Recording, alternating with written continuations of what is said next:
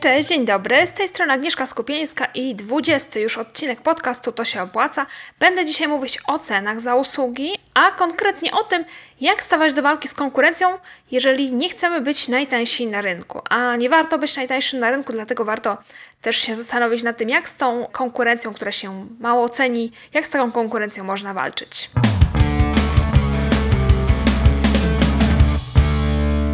Często słyszę, że na copywritingu zarobić się nie da, bo stawki, jakie proponują za zlecenia klienci, są śmiesznie niskie. Yy, I faktycznie czasami tak jest, ale to nie jest tak, że się nie da zarobić na copywritingu, bo się da. Yy, owszem, są zlecenia za, yy, za takie małe, nawet bardzo małe pieniądze, no ale są też klienci, którzy płacą więcej. I mało tego, są też klienci, którzy wręcz nie zatrudniają kogoś, kto daje najniższą cenę i z miejsca odrzucają nawet takiego najtańszego wykonawcę.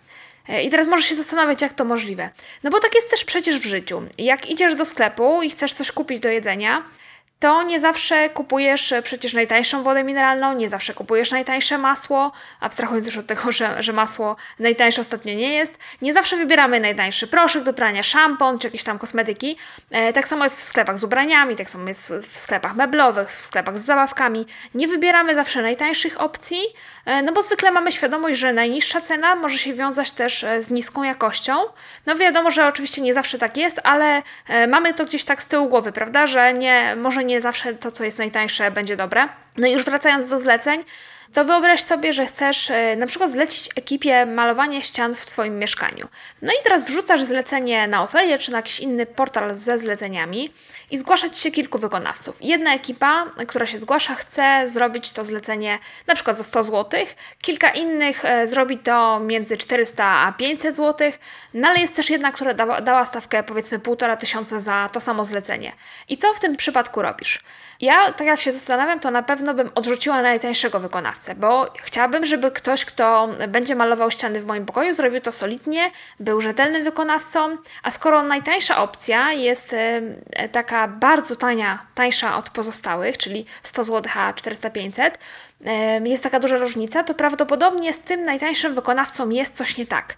Tak sobie myślę, że coś musi być z nim nie tak. Odrzuciłabym tego najtańszego, odrzuciłabym też najdroższego, skoro jego stawka jest aż tak e, daleka od tej średniej stawki, no to też bym go e, nie brała pod uwagę. I tak właśnie większość z nas myśli. Nie chcemy nigdy najtańszego wykonawcę e, i nie zawsze chcemy tego najtańszego wykonawcę za wszelką cenę, bo wiemy, że najtańszy może wcale nie być dobry. Skoro tak jest, skoro wiemy, że tak się dzieje, to odwracając tę sytuację, jako freelancer też możesz być świadomy tego, że nie warto dawać tej najniższej stawki. Po pierwsze, właśnie dlatego, że możemy zostać odrzuceni jako ten wykonawca, który jest najtańszy, a więc może nie do końca dobry.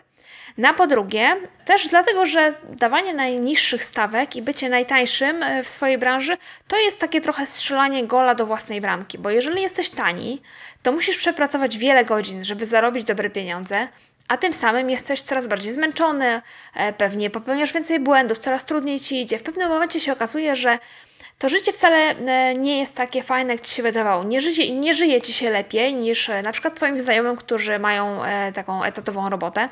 No a przecież jesteśmy freelancerami po to między innymi, żeby nam się dobrze żyło, prawda? Więc chociażby z tego powodu nie warto być tym najtańszym wykonawcą. No dobra, no ale tak łatwo sobie powiedzieć. Nie bądź najtańszy, ceń się, dawaj wyższe stawki. Łatwo powiedzieć, trudniej zrobić. No bo jak przekonać do siebie wykonawcę, skoro jesteśmy drożsi niż konkurencja? Opowiem Ci o kilku moich sposobach. Po pierwsze, możesz być rozpoznawalnym specjalistą w swojej niszy. Freelancerom bardzo przydaje się budowanie rozpoznawalności, no i tak zwanej, dużo się o tym mówi, marki eksperta.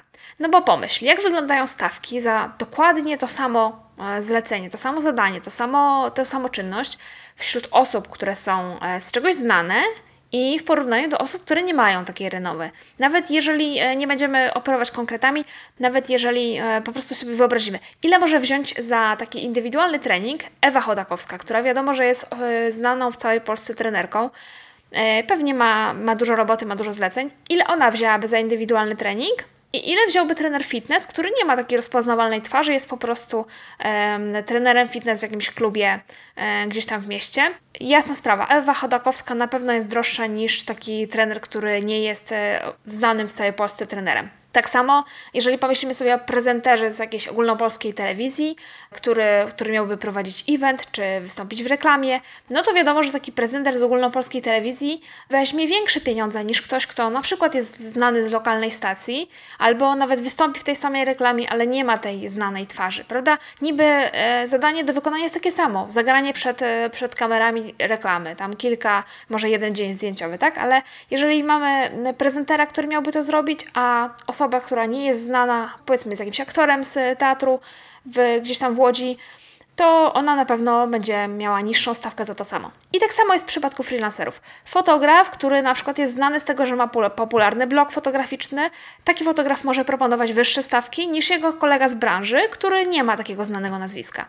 Dlatego właśnie budowanie marki eksperta i tej takiej rozpoznawalności w swojej branży ma ogromne znaczenie, tak naprawdę, ogromne znaczenie dla tego, na jakim poziomie możesz ustawiać stawki w negocjacjach e, z Twoimi klientami. To jest taki pierwszy sposób. Drugi sposób na to, żeby e, jakoś walczyć z tą konkurencją i żeby móc te stawki wyższe proponować, to jest taki, że możesz mieć na koncie współpracę ze znanymi markami i referencje i się nimi chwalić, pokazywać swoim klientom. Bo może się tak zdarzyć, że na przykład w Twojej branży nie da się budować rozpoznawalności, bo jej specyfika e, Twojej branży, specyfika Twoich usług zakłada, że jesteś w cieniu, zakłada, że doradzasz swojemu klientowi, e, no tak jakby z tyłu, tak, a inni Cię nie widzą. I właśnie drugim sposobem na konkurowanie czymś innym niż ceną w Twojej branży są referencje. Zawsze dobrze jest zbierać referencje od klientów, a im bardziej znany klient, im większa marka napisze o Tobie kilka słów, tym dla Ciebie lepiej. Referencje działają jak recenzje na okładce książki. Pomyśl sobie, nawet jeżeli nie wiemy, co to za książka, masz w ręku książkę, którą bierzesz w księgarni, nigdy wcześniej jej nie widziałeś, nie słyszałeś o niej, nikt ci jej nie polecał, bierzesz ją do ręki, e, odwracasz do tyłu, czytasz, jakie są recenzje z tyłu okładki. No i jeżeli recenzują tę książkę e, nazwiska, które są ci znane, i ktoś znany pisze, że ta książka jest świetna, wciągająca, tam, rewelacyjna, to bierzesz ją w ciemno, bo po prostu ktoś znany ją poleca, ty masz do tego kogoś zaufanie, a nawet jeśli nie, to są po prostu znane nazwiska. Jeżeli znane nazwiska coś polecają, to jakby przyjmujemy to za pewnik, że, że to jest warte uwagi. Jeżeli nie masz referencji od klientów, to możesz niejako podeprzeć się samymi nazwami marek czy nazwiskami klientów, dla których e, już pracowałeś, jeżeli oczywiście tak było. Zauważ, że tak, tak na przykład robią producenci e, filmowi. Jeżeli obejrzysz sobie trailery filmów, to często pojawiają się tam takie hasła, że na przykład jest to film, film twórców Lśnienia, albo że scenariusz do tego filmu napisał twórca Foresta Gampa e, i tak dalej, i tak dalej. I teraz, nawet jeżeli widz nie wie, kto był scenarzystą Foresta Gampa, nie zna nazwiska tego scenarzysty, to sam film kojarzy. Nawet jeżeli go nie oglądał, to kojarzy choćby z tytułu. I teraz wspomnienie o tym w zajawce kolejnego filmu, że jest to film scenarzysty Foresta Gampa, to już będzie rekomendacją, już będzie zachętą do obejrzenia tego filmu.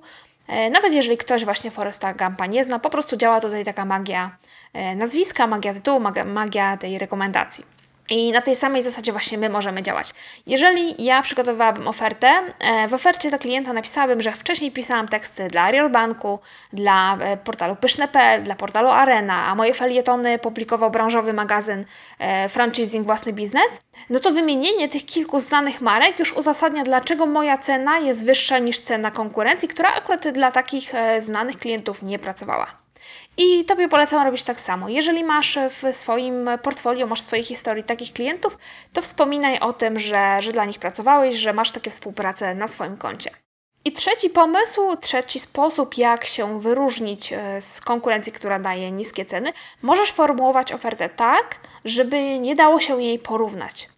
Bo jeżeli nie mamy referencji, nie mamy znanego nazwiska na koncie, zna, współpracy z jakimiś znanymi markami, no to można właśnie e, spróbować formułować e, swoją ofertę inaczej niż, niż formułuje ją konkurencja, tak żeby potencjalny klient nie mógł jej łatwo porównać z innymi ofertami. No i już tłumaczę o co mi chodzi. W branży pisania tekstów, czyli w mojej branży, to nie jest takie łatwe, bo na ogół podajemy stawki za tysiąc, te, tysiąc znaków jakiegoś tekstu, no i wtedy łatwo jest porównać te oferty, prawda? Jeden daje taką stawkę za tysiąc znaków, drugi daje taką stawkę, od razu widać, która stawka jest wyższa. Ale czasem można tutaj też e, takim sprytem wygrać, bo na przykład klient chce, żeby mu napisać teksty na blog i pyta, ile to będzie kosztować. No i ja mogłabym mu oczywiście podać cenę za 1000 znaków tekstu, ale ja z doświadczenia wiem, że taki klient prawdopodobnie wie, że on chce mieć blog, wie mniej więcej o czym ten blog ma być, no bo wie, że trzeba inwestować w content marketing, że blog firmowy się przydaje, ale nie ma pojęcia, ile znaków tekstu potrzebuje, jak długi powinien być ten tekst. I taki sposób rozliczania, kiedy ja mu podam stawkę za 1000 znaków tekstu, nie do końca będzie dla niego wygodny. I ja dlatego w tej sytuacji trochę e, postępuję trochę inaczej. Podaję mu cenę za jeden wpis blogowy, sama określam, jakiej długości w tym przypadku tekst byłby optymalny, no bo ja to po prostu z doświadczenia wiem.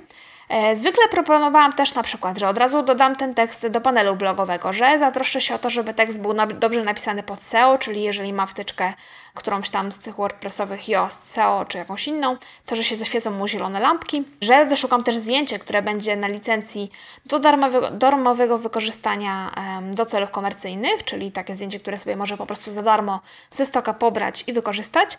I wtedy ta moja cała oferta jest kompleksowa. I taką ofertę naprawdę trudno jest porównać z ofertą kogoś, kto podaje tylko stawkę za tysiąc znaków. I poza tym zauważ też, co tu się przy okazji dzieje. Moja konkurencja podaje stawkę za tysiąc znaków, a ja już na poziomie oferty, już na poziomie oferty pokazuję, że wiem, jak się pisze teksty blogowe, że wiem, co z tym tekstem trzeba będzie potem zrobić, że trzeba poszukać zdjęcia, że trzeba dodać je do panelu, i oferuje taki gotowy produkt, z którym klient już nie musi nic więcej robić. Jeżeli kupi tekst od mojej konkurencji, on dostaje goły tekst i musi sam potem go wrzucić, musi sam go e, dodać mu jakieś zdjęcie i tak dalej, a ja oferuję mu gotowy produkt, on się już niczym więcej nie musi martwić. I właśnie to uzasadnia moją wyższą stawkę. Ja się nad tym więcej nie napracuję, jeżeli e, tak e, już mówimy o, o konkretach, bo po prostu napiszę tekst jakiejś tam długości, dodam to zdjęcie, to nie jest wiele roboty więcej, ale to, że tę ofertę opisuję w inny sposób, to daje mi trochę przewagę nad konkurencją. I myślę, że w każdej branży można szukać sposobów, żeby przedstawić swoją ofertę zupełnie inaczej niż robi to konkurencja. Zamiast wyceniać coś za godzinę, można wycenić cały projekt na przykład, albo zamiast wyceniać jakieś zadanie, można zaproponować klientowi e, na przykład jakiś miesięczny abonament, w którym zmieści się ileś godzin Twojej pracy, no i klient po prostu płaci abonament i tak dalej, i tak dalej. Tu y, chodzi o to, żeby klient nie mógł tak prosto porównać naszej stawki ze stawką konkurencji jednocześnie, żeby sam nie musiał się głowić też liczeniem, żeby nie musiał się zastanawiać, ile on właściwie będzie musiał zapłacić. No bo jeżeli, tu już wracamy do tego pisania tekstów, jeżeli ktoś chce zamówić teksty na blog, a ktoś mu mówi e, stawkę za tysiąc znaków, to klient musi sam to przeliczyć, zastanowić się, ile to musiałby tych tysięcy znaków zamówić w ciągu miesiąca i tak dalej. Jest to trudne, a mój sposób proponowania ceny jest dla niego wygodniejszy. I te trzy sposoby, o których już wspomniałam, czyli rozpoznawalność, referencje oraz inne sformułowanie oferty już mogą nam pomóc zdobyć klienta, który będzie chciał zapłacić nieco więcej niż najniższą możliwą stawkę w naszej branży. Ale też trzeba pamiętać, że konkurować z innymi można nie tylko ceną, ale też można na przykład szybkością realizacji. E, w jednym z odcinków podcastu, pamiętam, mówiłam o firmie One Day Painting, jest taka firma, która gwarantuje malowanie pokoju czy malowanie jakichś tam pomieszczeń w ciągu jednego dnia. Oni po prostu przychodzą rano, wieczorem wychodzą, pokój jest pomalowany. I to jest właśnie idealny przykład konkurowania szybkością realizacji. Inne ekipy budowlane czy, czy remontowe robią e, malowanie w jakimś dłuższym czasie, oni robią w jeden dzień. Konkurowanie szybkością realizacji to jest jeden z tych e, sposobów, jak nie konkurować ceną, a jednocześnie mieć szansę w walce z konkurencją, która daje takie ceny niskie. E, można konkurować też tym, że na przykład wystawiamy faktury VAT. Jeżeli nasza konkurencja tego nie robi, jeżeli konkurenci z naszej branży na przykład podpisują najczęściej umowy o dzieło, ty możesz e, mieć firmę, wystawiać faktury VAT i zapewniam, że dla klientów biznesowych, czyli dla firm, które będą Cię zatrudniać, to niewątpliwie będzie duża zaleta, że nie muszą podpisywać z Tobą umowy o dzieło, tylko wystawiasz faktury. Czy będzie na nich VAT, czy nie będzie, to już jest osobna sprawa, ale generalnie faktura to jest znacznie łatwiejszy sposób rozliczenia i też jest to przewaga nad konkurencją. I jeszcze jedna rzecz, to jest zawsze dobrym pomysłem, że można zapro zaproponować klientowi opcję tańszą i opcję droższą. I na przykład, jeżeli jesteś specjalistą od Facebooka, trafisz na kogoś, kto chce, żebyś poprowadził dla niego fanpage firmowy. To zaproponuj mu nie jedną, ale dwie oferty. Jedna oferta niech będzie taka bardzo podstawowa, obejmująca na przykład publikację na tym Facebooku dwa razy w tygodniu e, za jakąś taką niewielką cenę. A druga oferta, niech to będzie taka oferta rozbudowana, taka powiedzmy na wypasie, prawda, że bogata, ale za znacznie więcej pieniędzy. Może się okazać, że klient dojdzie do wniosku, że woli zapłacić więcej, chociaż początkowo wcale nie miał takiego zamiaru, dlatego tylko, że Twoja wypasiona oferta podziałała na jego wyobraźnię. I to doskonale widać w programie telewizyjnym e, Międzynarodowi Poszukiwacze Domów. To jest program, e, on jest emitowany w tej chwili, jakieś odcinki na, na kanale TLC. To program o ludziach, którzy się przeprowadzają za granicę, na przykład jakieś małżeństwa, czy jakieś całe rodziny, czy, czy po prostu czasami studenci, czasami osoby, które rozpoczynają pierwszą pracę po studiach, przeprowadzają się za granicę i za pomocą, z pomocą agentów nieruchomości w danym kraju szukają mieszkań i domów e, albo do wynajęcia, albo do, do, do kupienia. Zwykle mają też jakieś oczekiwania e, względem tego domu, na przykład jaką tam dzielnicę, gdzie chcą, jak, jakie, jakiej wielkości ten dom ma być, czy na przykład ma mieć basen, czy ma mieć gdzieś tam obok park i tak dalej, tak dalej. No wiadomo, każdy ma jakieś oczekiwania.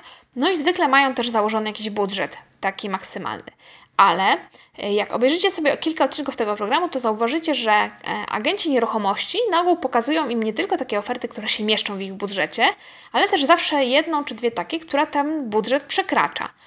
I e, oprócz tego, że przekracza, to też lepiej spełnia oczekiwania tych kupujących, bo na przykład mieszkanie jest większe, bo jest nowocześnie urządzone, bo jest bliżej pracy, tam na przykład jednego z tych bohaterów odcinka. I wcale nie tak rzadko okazuje się, że ktoś, kto miał jakiś budżet e, założony, to, to wcale nie był dla niego taki, taki budżet ostateczny, że czasami się, e, często, się, często właściwie się okazuje, że bohaterowie odcinka decydują się na taką ofertę, która jest droższa, niż początkowo zakładali, dlatego że okazuje się właśnie, że droższy, dro, droższy dom spełnia lepiej ich oczekiwania i wolą dołożyć, żeby na przykład mieć lepsze wnętrze, albo żeby mieć bliżej do pracy, albo żeby mieć basen, o którym zawsze marzyli. Także dlatego właśnie warto przedstawiać klientowi zawsze też nieco droższą ofertę, bardziej wypasioną, bo może się okazać, że będzie gotowy wyjść poza ten budżet, który wcześniej założył i właśnie zapłacić Ci trochę więcej. I to tyle, jeżeli chodzi o walkę z konkurencją, która daje niskie ceny. Mam nadzieję, że przekonałam Cię do tego, że e, nie warto i, i czasami nawet, e, że, że nie warto i że nie trzeba być najtańszym wykonawcą na rynku, że to się nie opłaca, że warto szukać sposobów, żeby pracować za dobre pieniądze i żeby zarabiać tyle, no żebyśmy byli po prostu ze swoich zarobków zadowoleni. Tak jak mówię, to na dzisiaj tyle. Zapis tekstowy tego odcinka znajdziesz na stronie tosiopłaca.pl, jak zwykle w zakładce podcast. Znajdziesz też spis e, wszystkich wcześniejszych odcinków podcastu. To już jest 20 odcinek, także jest e, czego słuchać. Jeżeli nie słuchałeś do tej pory, to zachęcam gorąco. Dzisiaj dziękuję za uwagę i do usłyszenia w kolejnym odcinku.